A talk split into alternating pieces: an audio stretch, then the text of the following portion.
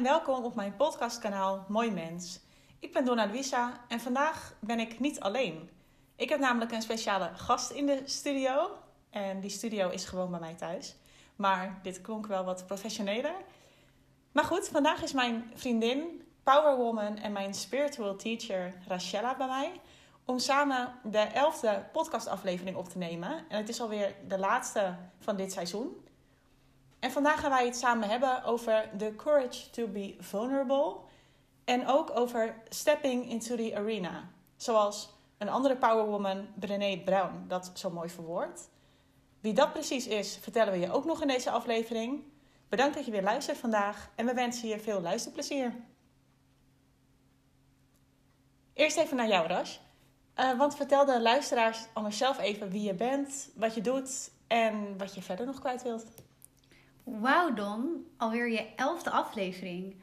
Ik ben dan ook ontzettend dankbaar dat ik hier ja, vandaag bij jou mag aansluiten. Zoals Donna al zei, ben ik Rachella Raquel en heb ik een enorme fascinatie, of eigenlijk kun je het ook wel liefde noemen, voor al het magische in het leven. Zelf geef ik ook tarot- en energielezingen aan mensen, omdat ik werkelijk geloof dat dit zulke fijne hulpmiddelen zijn om het onbewuste bewust te maken.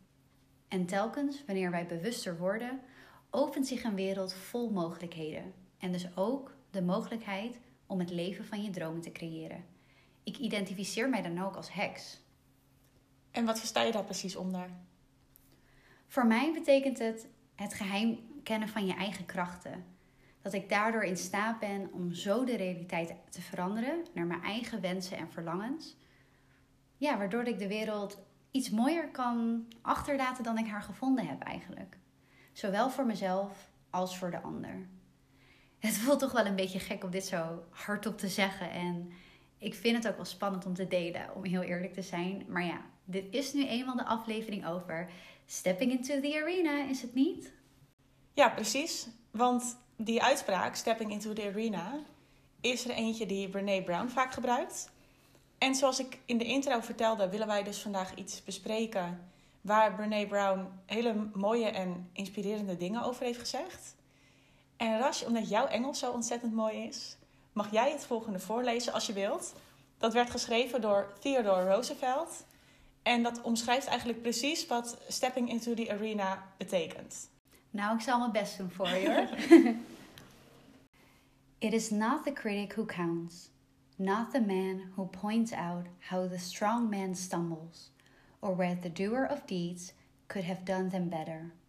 The credit belongs to the man who is actually in the arena, whose face is marked by dust and sweat and blood, who strives violently, who errs, who comes short again and again, because there is no effort without error and shortcoming, but who does actually strive to do the deeds who knows great enthusiasms, the great devotions, who spends himself in a worthy cause, who at the best knows in the end the triumph of high achievement, and who at the worst, if he fails, at least fails while daring greatly, so that his place shall never be with those cold and timid souls who neither know victory nor defeat.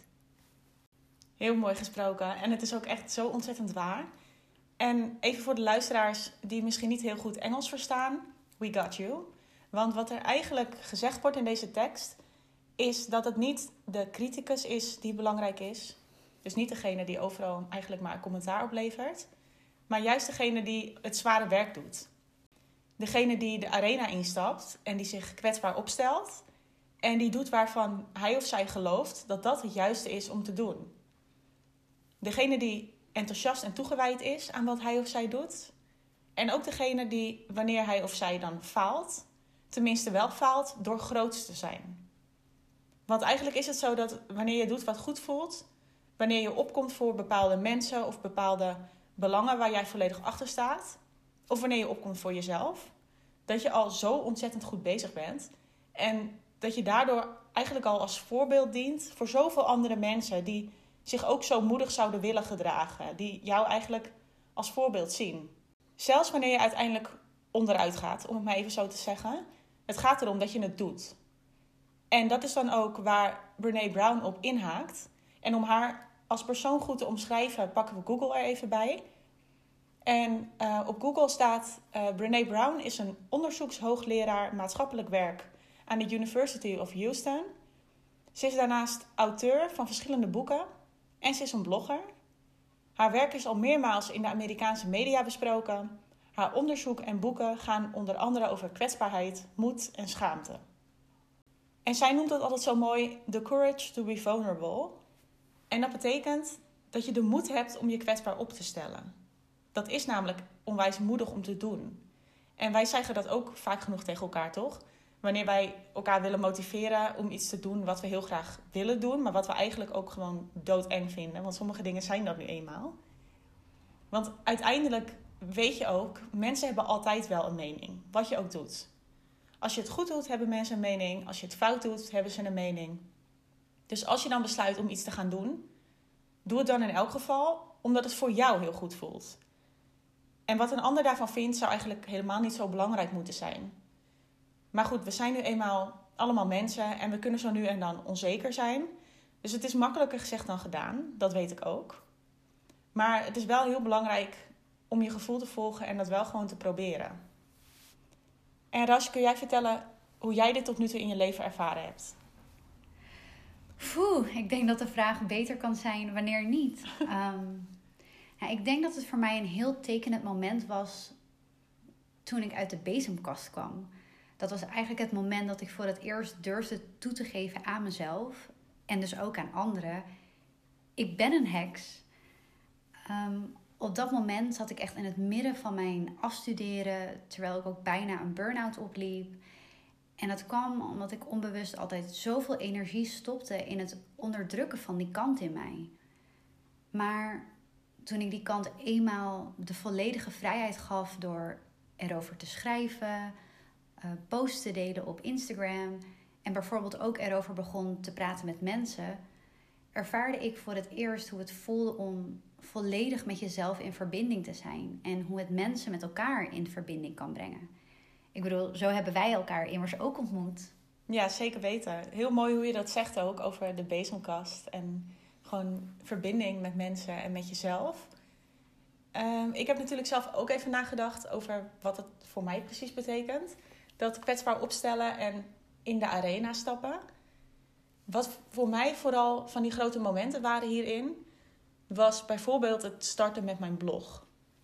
Maar ook met deze podcast. En eigenlijk gewoon het meer zichtbaar maken van mezelf op social media. En ik vond dat in het begin echt heel eng, want ik was ook bang voor kritiek van anderen.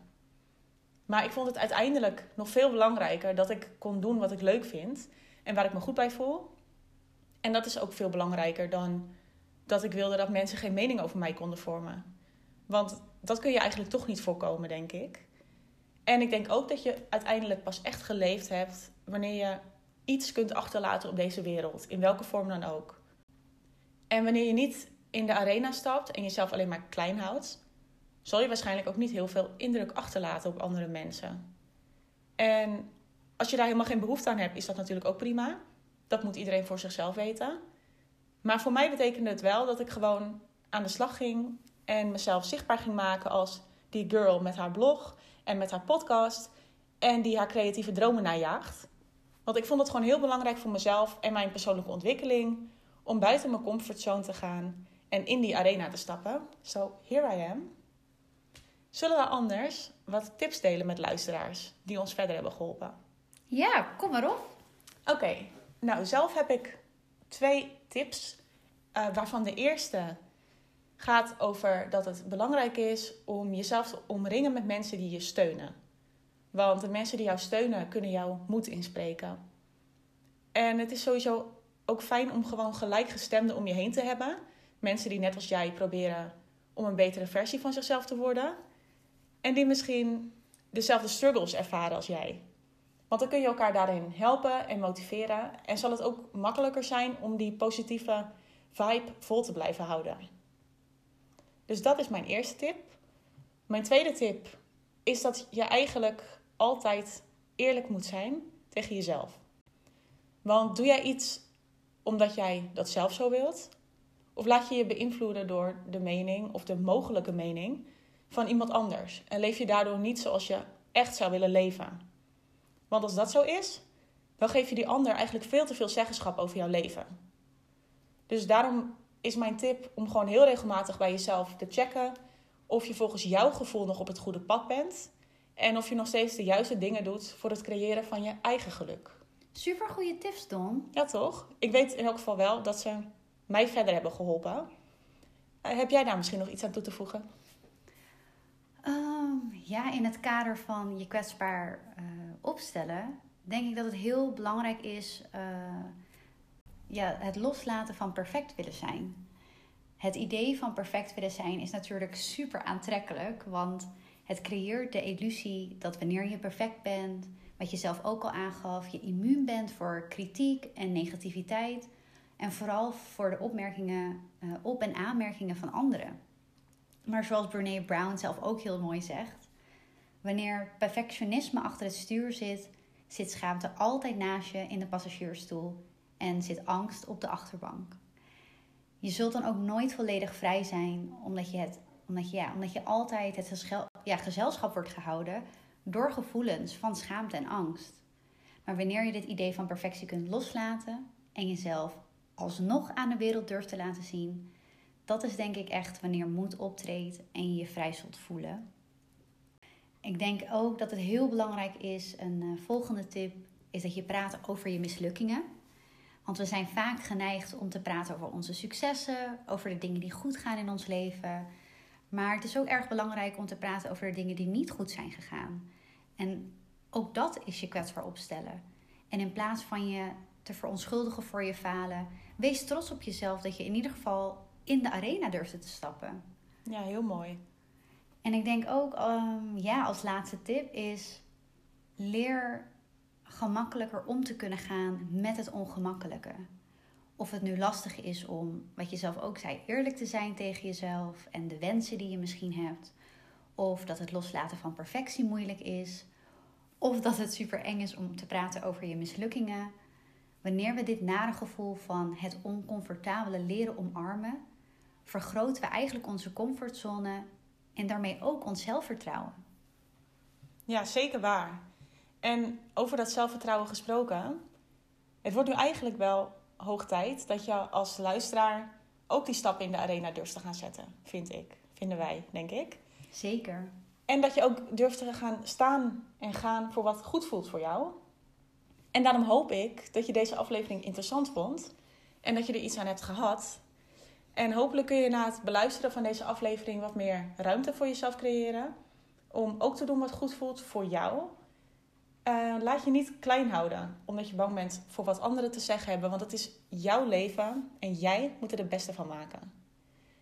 Lieve Rachella, ik wil jou enorm bedanken dat je erbij wilde zijn vandaag.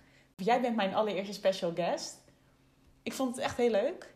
En kun je nog even vertellen waar mensen jou kunnen volgen of vinden? Nou, bedankt dat je me wilde hebben als gast, want ik heb er ook echt enorm van genoten. Gelukkig. Um, ja, mocht je geïnteresseerd zijn, dan kun je me vinden via rachellarakel.com of op Instagram, rachellarakel. Of op mijn podcast, The Numinous Nims. Um, ja, dus uh, ik hoop jullie uh, gauw te ontmoeten. Nou, top. En tegen jou als luisteraar wil ik nog even zeggen dat je mij altijd een e-mail of een berichtje mag sturen via social media over deze aflevering. Of als je iets anders kwijt wilt. Of als je een heel leuk idee hebt voor een volgende aflevering. En je weet wat er nu komt. Deel deze aflevering met de mensen om je heen. Want hoe meer mensen dit horen, des te meer mensen hopelijk geïnspireerd raken om ook hun mooiste leven te gaan leven. En als je een mooie review wilt schrijven via de Apple Podcast of Google Podcast app, dan is dat helemaal super. Dus bedankt dat je er weer bij was vandaag. En hopelijk tot de volgende keer in het tweede seizoen van Mooi Mens.